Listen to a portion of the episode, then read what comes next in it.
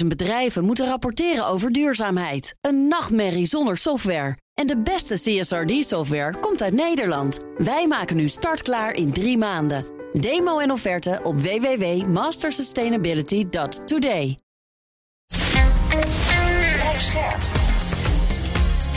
BNR Nieuwsradio. Boekenstein en de Wijk. Hugo Reitsma.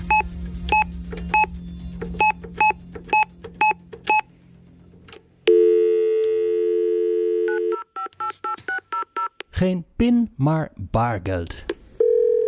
Geen ontvangst, maar een funklog. Geen mail, maar fax.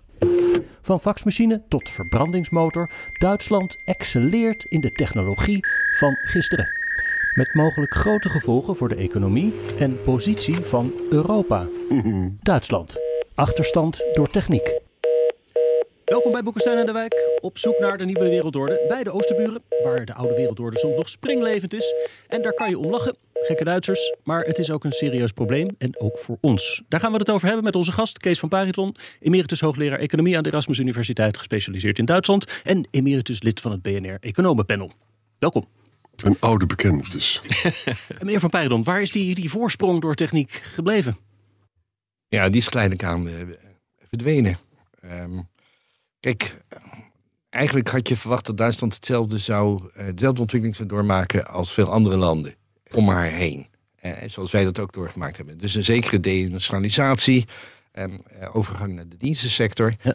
Maar op de een of andere manier kon Duitsland kon dat heel goed weerstaan. En ik denk dat dat kwam omdat ze verschrikkelijk goed waren in die sectoren: chemie, machinebouw, auto's, nou, dat soort sectoren.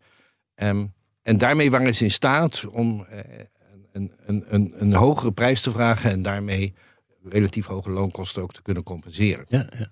En dat konden ze volhouden zolang er geen echte concurrent op de markt kwam. Maar die is er wel gekomen, twintig jaar geleden. Met extreem lage loonkosten. Toen nog eenvoudige technologie, maar die hebben dat natuurlijk heel snel uh, opgehaald.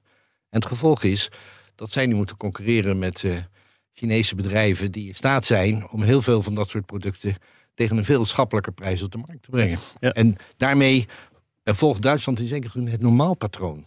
Alleen een beetje later. Alleen een beetje later. Ja.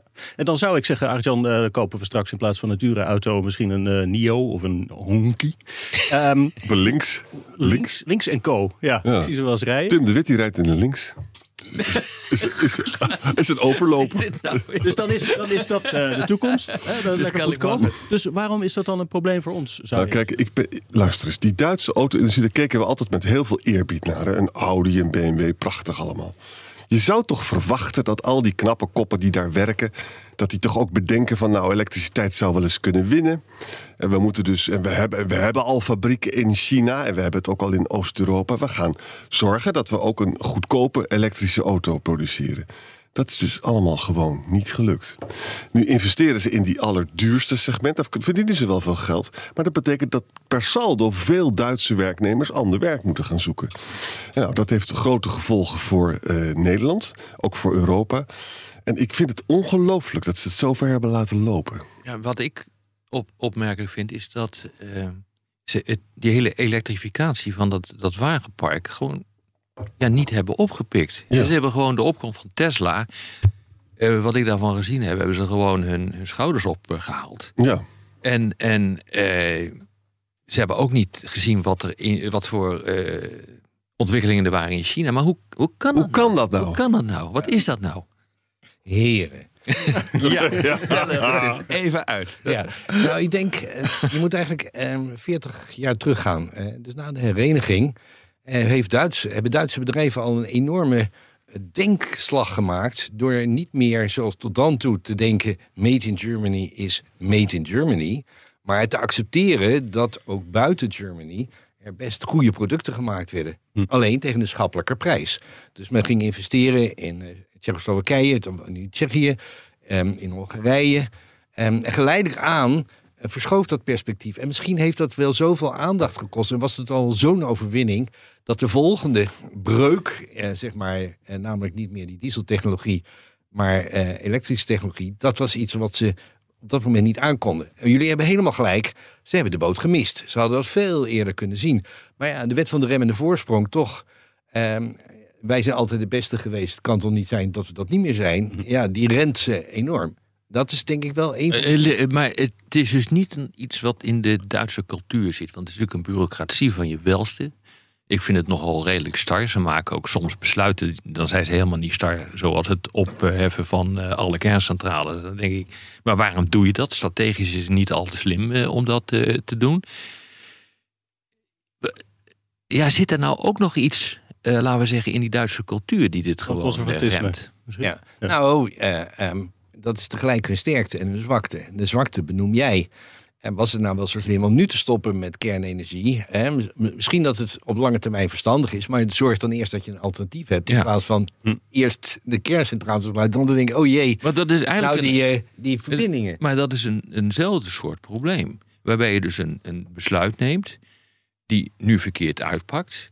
Maar het, eh, het feit dat je geen besluit hebt genomen ten aanzien van de auto-industrie, dat heeft ook strategische consequenties. Ja, maar het lijkt wel of ze niet strategisch kunnen denken daar. Nou, ik denk dat ze dat juist wel kunnen. Maar Oh. eh, hebben ze eenmaal. En ze nemen heel lastig besluiten. Dus daar doen ze ook lang over. Dus die sluiting van de kerncentrales. Nou, volgens mij is dat door de Groenen al in, 19, eh, in de jaren 70 al naar voren gebracht. Nu gebeurt het. Ja. En daar hebben ze heel lang over gedaan. Kijk, dat, dat is de zwakte. Maar de sterkte is natuurlijk. eh, dat ze een lange termijn visie hebben. En dat ze daaraan vasthouden. Kijk, zij vinden. Ja, en bij Nederland, ja, een besmuikt lachje kan het toch altijd wel af. Want hoe kan zo'n anarchistisch land toch nog eh, het vrij redelijk doen? Want in een, wij, en, eh, ik neem een heel ander voorbeeld, de gezondheidszorg. Wij hebben in 2005, 2006 heeft Hans Hogevorst het gezondheidszorgsysteem herzien. Toen ging het ziekenfonds eruit en zo. Precies. We hadden we nog van de Duitsers geërfd. Nee, serieus. Ja, ja, ja. Eh, twee jaar later dachten we, nou misschien moeten sommige onderdelen toch veranderd worden. Nou, die Duitsers denken, heb je zo lang over gedaan? Hè? Die commissie Dekker is al in 87 begonnen. Ja, ja. In 2005 eh, komt er eindelijk een verandering. En dan twee jaar later ga je het alweer aanpassen. Nou, dat is in hun ogen En helemaal... dan zit, dat, dan zit dat dus toch in belangrijke mate in het, in het Duitse systeem, in de Duitse cultuur. Ja, Eh, maar- wat, eh, wat is dat dan precies? Want even, Ja. Ze hebben dus digitalisering is minder dan Nederland. Hè? Sommige mensen mailen daar nog steeds niet. Hè? De fax is, die draait nog steeds als een dolle. Al- Als er dan datashoots komt, hè? Dat, is, dat zijn, zijn ze heel goed in. Dus je moet nog meer formulieren dat? Dat invullen. is eh, privacybescherming. Ja, privacy, dat ja. hebben ze allemaal gedaan. En, en er zijn bij het kleine middenbedrijf, hoorde ik, zitten allemaal mensen in dienst om de hele dag vergunningen eh, formulieren in te vullen. ja. Dit is toch niet goed? Nee, dat lijkt mij ook. Ja, en dat is, eh, ik weet niet, eh, kijk, dat is misschien wel, eh, eh, straks, jullie hebben het over cultuur. Ik weet dan wel dat eh, eh, ehm, een bekende econoom, meneer Lenin, al in de, in de jaren tien had gesproken over het feit dat revoluties zouden nooit in eh, Duitsland plaatsvinden. Want dan moest je misschien wel naar een centraal plein en dan moest je al een, eh, een perronkaartje kopen. Nou, daar, daar zagen ze al niet overheen. Ja, dat liet hij zei, ja, het is zo'n star volk. Daar komen nooit de revoluties vandaan. Nou, en dat is het misschien wel. Dat, ze houden heel sterk vast aan datgene wat ze belangrijk vinden. En tegelijkertijd, ze zijn er niet echt, tot nu toe niet echt armer van geworden. Dus ja, nou dat- ja, nou, laat- moeten we straks even over eh, praten. Want eh, we hebben, eh, het woord deindustrialisatie valt natuurlijk continu. Maar een mooi voorbeeld is een discussie die nu gaat over een, over een elektriciteitskabel die van Noord, het winderige noorden, naar het wat minder winderige zuiden moet lopen. 10 miljard investering. En die komt er maar gewoon niet omdat men eh, niet uit de vraag kan komen: moet dat ding nou boven de grond of onder de grond worden aangelegd? Dus je bent bezig met een energietransitie. Je hebt je kerncentrales afgeschakeld. En zelfs dit krijg je niet voor elkaar. Nou, ik denk dat hier vooral dat NIMBY-probleem speelt. Ja. En waarom, eh, Kunnen wij trouwens ook wel van meepraten? Ja, ja, ja. Oh, in veel zaken eh, zijn we net zo goed als de Duitsers. Ik denk dat dat, eh, als je denkt aan Midden-Duitsland, ja, daar komt het ding of overheen of moet daar gegraven worden. En die denken, ja, wat hebben wij daar eh, mee te maken? Dat die Zuid-Duitsers heel veel kerncentrales hadden en die zijn dicht. En ook veel energie gebruiken. Eh, ehm, ja, dat is een probleem, want de energie, zoals Rob zegt, die zit in het noorden. En men heeft dan men heeft geen goed verhaal over wat het betekent om eh, eh, naar een nieuwe toekomst te gaan. Nieuwe sectoren. En eh, elektriciteit is werkelijk een cruciale factor. Ja. En dat betekent dat je daar heel goed in moet investeren. Maar eh, ehm, Ja, en de een zegt het kost te veel, de ander zegt niet door mijn eh, achtertuin. En hebben we dat wel nodig? Ja, want, dit eh, lijkt echt Nederlands hoor. Want Maar je leest ook een vreselijke verhalen. Bas F, hè, die gaat dus nu in Amerika door. Hè? Ehm, Nee, de grootste fabriek gaat ze in China bouwen. Ja. De, de, Oh ja. dus zeg maar een, ja, Ze gaan ook naar Amerika. Maar Ja. dus een, een fantastische fabriek die helemaal energie- of eh, klimaatneutraal moet Ja, zijn.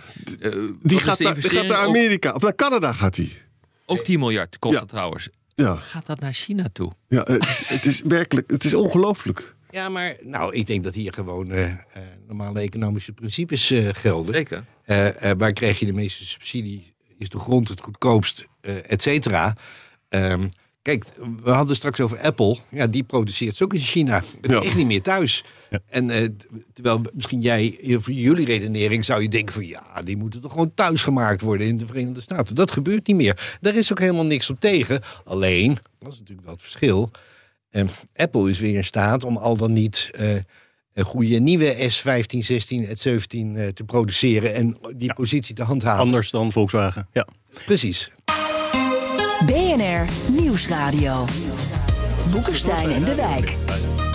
Op zoek naar de nieuwe wereldorde. Dit is Boekenstein en de Wijk. En het programma is natuurlijk niet zonder Arjan Boekenstein en Rob de Wijk. Mijn naam is Hugo Reitsma en we praten met emeritus hoogleraar Economie Kees van Puyron over die hopeloze Duitsers. Een beetje besmuikt aan het praten. Ik merk, meneer van Puyron, dat u het af en toe een beetje verdedigt. Eh, de Duitsers en wij in Nederland doen het ook eh, niet altijd even goed. Maar ik wilde even terug naar het punt, Arjan. Ik vroeg dat aan jou, je ging er een beetje snel overheen, dat het niet alleen een probleem is voor de Duitsers als het daar niet goed gaat. Vroeger zeiden ze geloof ik, hè, als ze daar niezen, dan zijn wij verkouden. Welk, welke rol speelt dus, als het slecht gaat in de Economie, speelt dat in de rest van Europa? Ja, kijk, Duits- Duitsland was natuurlijk altijd de economische motor van Europa. Zelfs trouwens voor het verdrag van Rome 1957. Hè. Tussen 1950 en 57 zie je dat enorme handelsverkeer doornemen. Met name door Duitsland. Ongelooflijk wat er gebeurt. Hè. Nou, later heb je wel de zieke man van Europa gehad. En met die hartsakkoord. Dus ze kunnen wel heel erg ingrijpen. Daar komen we straks al over te spreken onder Schreuder. Ze hebben ongelooflijk ingegrepen. Dat moeten ze nu weer doen. Maar ja, het is, en Duitsland ging tot voor kort economisch veel beter en financieel veel beter dan Fransen. En nu is het eventjes sombermans. Overigens ook weer even de positieve kant, want ik heb een beetje genoeg van die sombermans Boekenstein. Volkswagen heeft zijn meeste fabrieken in China. Dan moet het toch ook mogelijk zijn om een elektrisch modelletje daar te maken tegen lagere kosten. En dan ook nog een beetje hier naartoe. Maar, maar ik zie alleen maar 40.000 euro. En dat kan Otto normaalverbruiker niet trekken. Professor Boekenstein ook niet. Nee, nee, nee, nee, die rijdt een heel klein Japannertje volgens Ja, mij. en, en- en benzine ook nog. Ja. Ik kwam binnen en hij zei van ja, waarom zijn er geen eh, leuke polootjes meer? Ja, die bestaan niet meer. Er, er zijn nog, nee, er zijn er nog heel weinig van. Nee, de goedkope auto's gaan nu uit, eh, China. uit China komen. En de duurdere segment wordt hier gemaakt. Al Maar- niet geëlektrificeerd. Nee, Is maar, dat niet zeg maar ook een gebruikelijk patroon? nee, maar je zegt dat is allemaal niet zo'n probleem op zich. En je laat je leiden door economische eh, principes. Begrijp ik. Maar tegelijkertijd hamert de Europese Commissie... en dat wordt ac- geaccepteerd door de regeringen in Europa... op strategische autonomie. Dus als je dus essentiële bedrijven... eh, Neem bijvoorbeeld kunstmest. Dat, kunstmest maak je van gas. Althans, een bepaalde vorm van kunstmest maak je van gas. hè. Er zijn meerdere vormen, maar een belangrijke maak je van gas. Ja, dat kan dus gewoon niet meer. Je, dat, dat is niet meer concurrerend. Maar je wil wel autonoom zijn, bijvoorbeeld in belangrijke mate op landbouwgebied. Dan is het wel handig dat je dat dus hier kan houden. Dus eh, die, ehm, die hoge energieprijzen, die ondermijnen dus het hele principe van strategische autonomie, waardoor je politiek kwetsbaarder bent voor druk uit het buitenland. Ja, maar dan denk ik, dan komt moet je Europees gaan denken. En, Dat doe ik dus nu ook. Hè? ja, nee, Daarom zeg ik het ook. ik zou niet durven dat tegen te spreken. Pas op hoor. Ja, nee, nee, nee, ik zit te ver van de nooduitgang. hier. Ja, ja. Hoe heet het? Maar dan moet je denken van waar is de energie in Europa dan wel goedkoop? En dat is misschien wel in Spanje of Italië. De, waar Nee, de hij is nergens goedkoop. nee, nee, nee, want daar bestaat namelijk nog niet. Ik bedoel, Nee, nee, dat, je, je kan wel gelijk hebben, maar nu nog niet. Ik Laat, laat even de professor uitspreken. Ja, precies. Ja, ja. Nou, ben ook professor. Gewoon collega. Ja, ja, ja. Nee, maar dan moet je zeggen van de LNG-aanvoer is er ook relatief dichtbij. En misschien dat dat wel gebruikt kan worden. Ik ben ook niet zo technisch. Maar eh, ehm, het is geen dwingende noodzaak dat die kunstmest uit Duitsland moet komen. En als in Duitsland de productievoorwaarden eh, minder gunstig zijn geworden...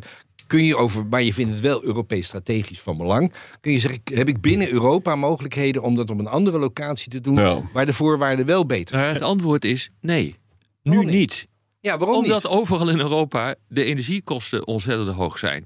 En eh, we hebben nog geen systeem voor duurzame economie, eh, duurzame eh, energie in Europa. We zitten nog jarenlang vast aan een fossiel systeem waar niet meer in geïnvesteerd wordt. Dus het probleem stapelt zich op. Het wordt alleen nog maar veel erger. Ja, maar Eh, we even- hebben, we- iedereen roept, dan gaan we waterstofgas doen. Er is nog geen begin van een waterstofgassysteem in Europa. Het, eh, natuurlijk worden er windmolens gebouwd, maar dat stagneert op dit ogenblik ook. Het is, het is niet zo dat ergens anders in Europa eh, die, eh, of ik moet echt iets over het hoofd zien, maar ik denk dat, dat ik toch redelijk overzicht heb. Maar ik zie niet eh, waar het goedkoop is. Nee, nou, maar kijk, misschien moet je. Dus dan- ga je naar Amerika toe. Ja, nou, eh, daar zijn toch ongeveer dezelfde voorwaarden. En er is de prijs, jullie noemen 4 tot 7. Ik, ik waag dat te betwijfelen. Maar ik neem een andere sector. Neem eh, de land- en tuinbouw. Westland. Eh, ehm, die, draait, eh, die draaide heel sterk op goedkope energie. Extreem goedkope energie. Op ehm, arbeid die ook extreem goedkoop was. Nou, ik, ik bedoel, ik begrijp wel het, eh, het, het verlies voor het Westland en voor de mensen die daar werken. Maar eigenlijk zou je moeten zeggen, die sector die moet je verplaatsen naar, naar Spanje of naar Oost-Europa. Waar en energie misschien iets goedkoper, maar zeker arbeid veel goedkoper is. Maar ook daarvoor geldt, we blijven, we blijven vasthouden. Ja, dat klopt. Maar dan moet je dus wel weer met vrachtwagens hier naartoe zien te krijgen. Dus ik bedoel, ja, nee, nu maar rijden die, vracht, nee, serieus, nu rijden die vrachtwagens vanuit het Westland naar weet ik waar in Europa. ja, dus je, je raakt van de regen in de drup. En bovendien, wat interessant is, er zijn eh glastuinbouwers uit het eh, Westland. Die gaan niet naar Spanje toe. Die zijn er ook. Die gaan naar Marokko en die gaan naar allerlei andere landen toe. Buiten de Europese Unie, bijvoorbeeld. Ja. Overigens, met kunstmest verdien je ook niet zoveel. Hè? Het kan ook een kans zijn dat je naar sectoren gaat waar je weer leuke meerwaarde, leuke winsten kan halen. Er zijn wel dingen die je echt nodig hebt in Europa. Het is wel verstandig dat je kunstmest hebt, om maar eens wat te, te noemen. Ja, ik weet niet hoe essentieel dat is. Maar ik denk Redelijk dat je gelijk hebt. Heel erg is Ja, ja, voor de ja. landbouw. Zoals mijn collega professor zei. Essentieel.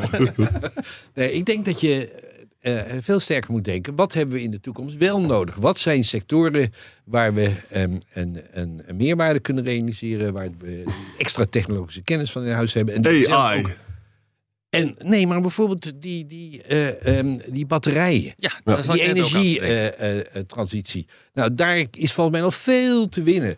Hm. En eh, ja, door nu ons- geld eh, uit te geven aan eh, eh, verlaging van de benzinekosten, om eens een fantastische duurzame maatregel te noemen. ja, dan denk ik van dat is helemaal fout. Je Ja. moet nu zeggen, wij willen over 10, 15 jaar dit en dit En het parlement heeft het weer verknald, hè? Ja, in zowel Europa als Nederland. Ja. maar dus- en, en eh, wat- kijk, en en wat- dat vind ik ook nog één ding. Dat vond ik ook het grote voordeel van, eh, of het grote voorbeeld eh, van de Verenigde Staten om een man op de maan te krijgen. Nou, is er iets zinlozer misschien, dacht ik toen, om een man op de maan te krijgen. Maar dat gaf een push Ja. aan zoveel sectoren. Het tevelpannetje wist- hebben we daaraan te danken. Nee, maar even die batterijen, dat is een goed voorbeeld. Hè. Dat is, China heeft dat gewoon goed gezien. Ja. Wij zijn niet eens in staat om, wat is het, kathode of anode te, te maken in Europa. We kunnen dat niet, die technologie hebben we niet. Eh, VW, die zet zijn eh, nieuwe batterij-start-up in Duitsland? Nee, in Canada. Ja. Eh, er, ehm, er zijn Duitse bedrijven die maken gebruik van de Inflation Reduction Act van Amerika, omdat ze, en dat is ook de automobielindustrie, om daar nieuwe bedrijven op eh, te zetten. Eh, in ehm, VW is bezig in Duitsland om oude gebouwen een beetje op te pimpen en te veranderen. En de grote nieuwbouw vindt elders plaats buiten Europa. Ik wil alleen maar zeggen, eh, en vooral op batterijgebied, waar we natuurlijk hopeloos achterlopen. En de Europese Commissie heeft dat inderdaad als een van de prioriteitsgebieden eh, gezien. Maar hoe kom je dan aan de grondstoffen? Dat is een heel groot. Nou, er wordt natuurlijk overal in Europa wordt nu eh, de spade in de grond gezet om lithium eruit te halen. Maar je zit echt met een geweldig probleem. En daar wordt veel te gemakkelijk, vind ik eerlijk gezegd hoor, door economen over aan voorbij gegaan. Namelijk, eh, je moet grondstoffen zien te krijgen. Je moet high-tech componenten zien te krijgen die niet worden gemaakt, maar die worden in landen gemaakt waar wij niet ongehoord warme relaties mee koesteren. Het is dus eigenlijk, zeg ik een beetje in een poging tot iets afrondends te komen, want ik kijk met een, eh, mijn linkeroog naar de tijd. Een, een, eh, niet zozeer Duitsland dat niet meegaat in de nieuwe wereld, maar eigenlijk Europa dat in een slechte Het positie probleem in zit. Duitsland is het grootste. En nou, ik, dat, ik geloof dat wij ook wel ons steentje bijdragen aan het probleem hoor. Maar ik denk dat als het nou gaat om die batterijen. Kijk, waarom gebeurt het niet? Omdat niemand ook zekerheid heeft dat het die kant op gaat. Als je als Europa zegt. eh, over tien jaar of over vijftien jaar moeten we dit of dat kunnen realiseren. Of het nou de woningbouw of de batterijen of elektrische auto's of de IA, noem het maar op. Daarvoor zijn investeringen nodig, daarvoor zijn opleidingen nodig. En iedereen eh, die nu de keuze heeft eh, om te investeren, of AI, of- ja. die moet het weten. Ja. En als je het weet, dan zeg je van ja, dat is de richting waarin we uitgaan. En als je dat niet weet, dan denk je ja, ik zie het nog maar even Nou ja, aan. er is Want natuurlijk wel een koers uitgezet door de Europese Unie die door alle landen is aanvaard. Ja. En er zitten een aantal prioriteitsgebieden in. Er zit een Chips Act in, er zitten batterijen. Maar dus er mist een man op de maan. Nou ja, dat zo'n eh, eh, goed gecommuniceerd doel. Nou, dat en is, kijk, en dat was vroeger. Dat is ik, punt. ik noem het altijd eh, eh, toch als voorbeeld. Na de oorlog hebben wij in Nederland, maar dat gold eigenlijk ook voor veel eh, landen om ons heen, eigenlijk maar één eh, stip op de horizon gehad: de wederopbouw. Iedereen wist, er moest van alles gebeuren. Eh, woningbouw, infrastructuur, eh, eh, scholing, werkgelegenheid. En heel veel was toegestaan om dat doel te bereiken. Ja. En dus, en zolang het maar, het, het krijgt momentum en dan blijft het doorgaan. Want dan kun je je kinderen naar een school sturen, die kunnen een betere opleiding volgen, kunnen een betere baan vinden. Lage loon, lage huren, weet je nog? Nou, ook. Grote ook, export. maar- ja, ja, ja, ja. Nee, maar goed, dat kwam dat wij een achterstand moesten inlopen. Ja. Maar ik denk dat als je dat zo'n doel weer stelt... en echt waar, Europa heeft prachtige notaschrijvers... maar dat communiceren met de bevolking van... wij gaan met z'n allen dit en dit ja, realiseren. dat, moeten ook de, dat moeten de lokale regeringen doen. In de Nou, landen. waarom? Want als ik neem, als het nou weer gaat om eh, schaarste eh, en relatief lage prijzen, die zijn misschien niet in Duitsland en niet in Nederland, maar wel in Spanje of wel in Bulgarije of weet ik wat. En dan moet je overkoepelen. Tuurlijk, maar daar is iedereen het ook over eens. Maar we zitten met een transitie die zo ingrijpend is eh, en zo anders is... dat de normale principes niet meer gelden. Maar en zeker in een land als Duitsland, want daar ging het u over... heeft 27% van zijn, eh, van zijn BBP komt uit industriële ehm, eh, activiteiten. Eh, dat, is hoogste, dat is hoogste in Europa. Hoger dan Amerika. Ja, dan wordt dat land natuurlijk gewoon het hardste gepakt. Dat kan niet anders. Ja, ja, maar ik, zoals ik al in het begin zei, ik zie eh, onze moderator al bezorgd kijken. Zoals ik al in het begin zei, ja, Duitsland maakt nu in zekere zin opnieuw een inhaalbeweging. Ja, klopt. Nou, dan zijn we het daar in ieder geval Dan zijn we over eens. daarover eens. Op de radio ronden we af, maar in de podcast gaan we langer door met luisteraarsvragen. Luistert u op de radio, dan verwijs ik naar boekensteinendewijk.nl of uw favoriete podcast-app. Maar eerst even dit. 50.000 bedrijven moeten rapporteren over duurzaamheid. Een nachtmerrie zonder software. En de beste CSRD-software komt uit Nederland. Wij maken nu startklaar in drie maanden. Demo en offerte op www.mastersustainability.today. Waar waren we? Sjors L. vraagt: eh, Biedt de Duitse wapenindustrie kansen? Duitsland produceert de meest succesvolle wapensystemen binnen Europa. Is het tijd dat ze hier meer op gaan inzetten? Rijnmetaal. Dat gebeurt ook. Ja, ja, ja een Krausmaffei, en er zijn er wel meer. Ehm, ehm, ja, kijk, dan komt, komt toch die oorlog weer terug. Eh, Hmm. kijk, na de oorlog was dat ook een probleem. eh, eh, dat, de, zeker de Amerikanen wilden helemaal niet meer dat eh, eh, de Duitsers zich daar nog mee bemoeiden. En de Fransen en de Britten waren ook niet enthousiast. Hmm. Maar dankzij de Korea-crisis, akaka, er kwam opeens die... eh, eh, er werd er weer enorm gevraagd. En dat heeft de, de ontwikkeling van de kolen- en staalindustrie in Duitsland en daarmee van Europa enorm bevorderd. Dus de integratie is daar wel. Tegelijkertijd denk ik van het zou mooi zijn als we eh, het voor andere eh nobele doelen zouden kunnen besteden. Maar ik ben tegelijkertijd, ik durf het bijna niet te zeggen, zo realistisch dat we moeten onszelf kunnen verdedigen. En we moeten ook Oekraïne niet in de steek laten. En, ehm, en ik denk dat eh, Zwitserland en Zweden en Frankrijk en Engeland ook wel mee kunnen doen. Maar Duitsland is toch wel een van de belangrijkste landen daarin. Rijnmetaal gaat in Oekraïne nu Exact. wapens produceren. Ja, een, een joint venture, hè? En ook BEA. Zijn er nu nog- B- BAI. Ja. Ja. Ja, dat klopt. Dat is een, eh, dat is een belangrijke ontwikkeling. Uh, we hebben ja, hier al veel over gehad, maar heel veel mensen op Twitter die uh, zeggen dan ja, Duitsland wordt natuurlijk het slachtoffer van de ondoordachte ener energiewende en dat klimaatbeleid. Ja, dat is het, het klimaatbeleid is het niet. Ik bedoel, overal in de wereld uh, zie je gewoon dat er een enorme industriële transitie plaatsvindt. het probleem is alleen dat moeten we nu met z'n allen oppakken in Europa. Maar we hebben een totaal geïndividualiseerde samenleving gecreëerd uh, de afgelopen decennia. En mensen denken alleen maar aan eigen particuliere belang. En dus het overkoepelende belang hiervan wordt niet meer gezien. Dus ik vind het niet zo vreemd hoor. Dat, uh, dat je, als je dan ziet dat dit leidt tot deindustrialisatie, tot hogere energiekosten, dat mensen gaan dwars liggen. Nou, hartelijk gefeliciteerd als je in de politiek zit. Probeer dat maar eens op te lossen. Hm. Ja, je ziet ook de laatste weken dat bepaalde politieke groeperingen zich we hebben ons vertild aan de groene transitie en zo. We moeten dat uitstellen en zo. Dat is nog eens lastig om dat uh, tegen te gaan. Hè? Ja, en deze vragen die, uh, die duiden daarop. Dat is precies ja. dit probleem. Dit duidt zo goed zulke vragen op wat het nou precies het probleem is.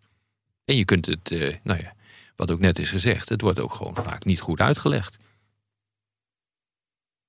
Helder. Joachim heeft een lange vraag. Kan Duitsland zich redden door de Frans-Duitse as te heropwaarderen? Of is ook Frankrijk te kwetsbaar geworden voor een effectieve economische samenwerking gezien een sterk verzwakte Daar wil ik wel wat over zeggen. wat weet je, vroeger zei ik altijd als sommermans, had ik altijd, de Franse economie ging niet goed en zo, weet je, dan kon je litanie van boeken erover schrijven. Hè? En nu is het wel zo, de Frans-Duits als wordt wat evenwichtiger als het nu met Duitsland ook slecht gaat.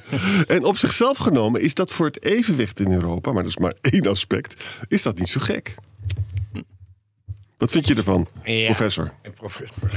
nou, collega. ja.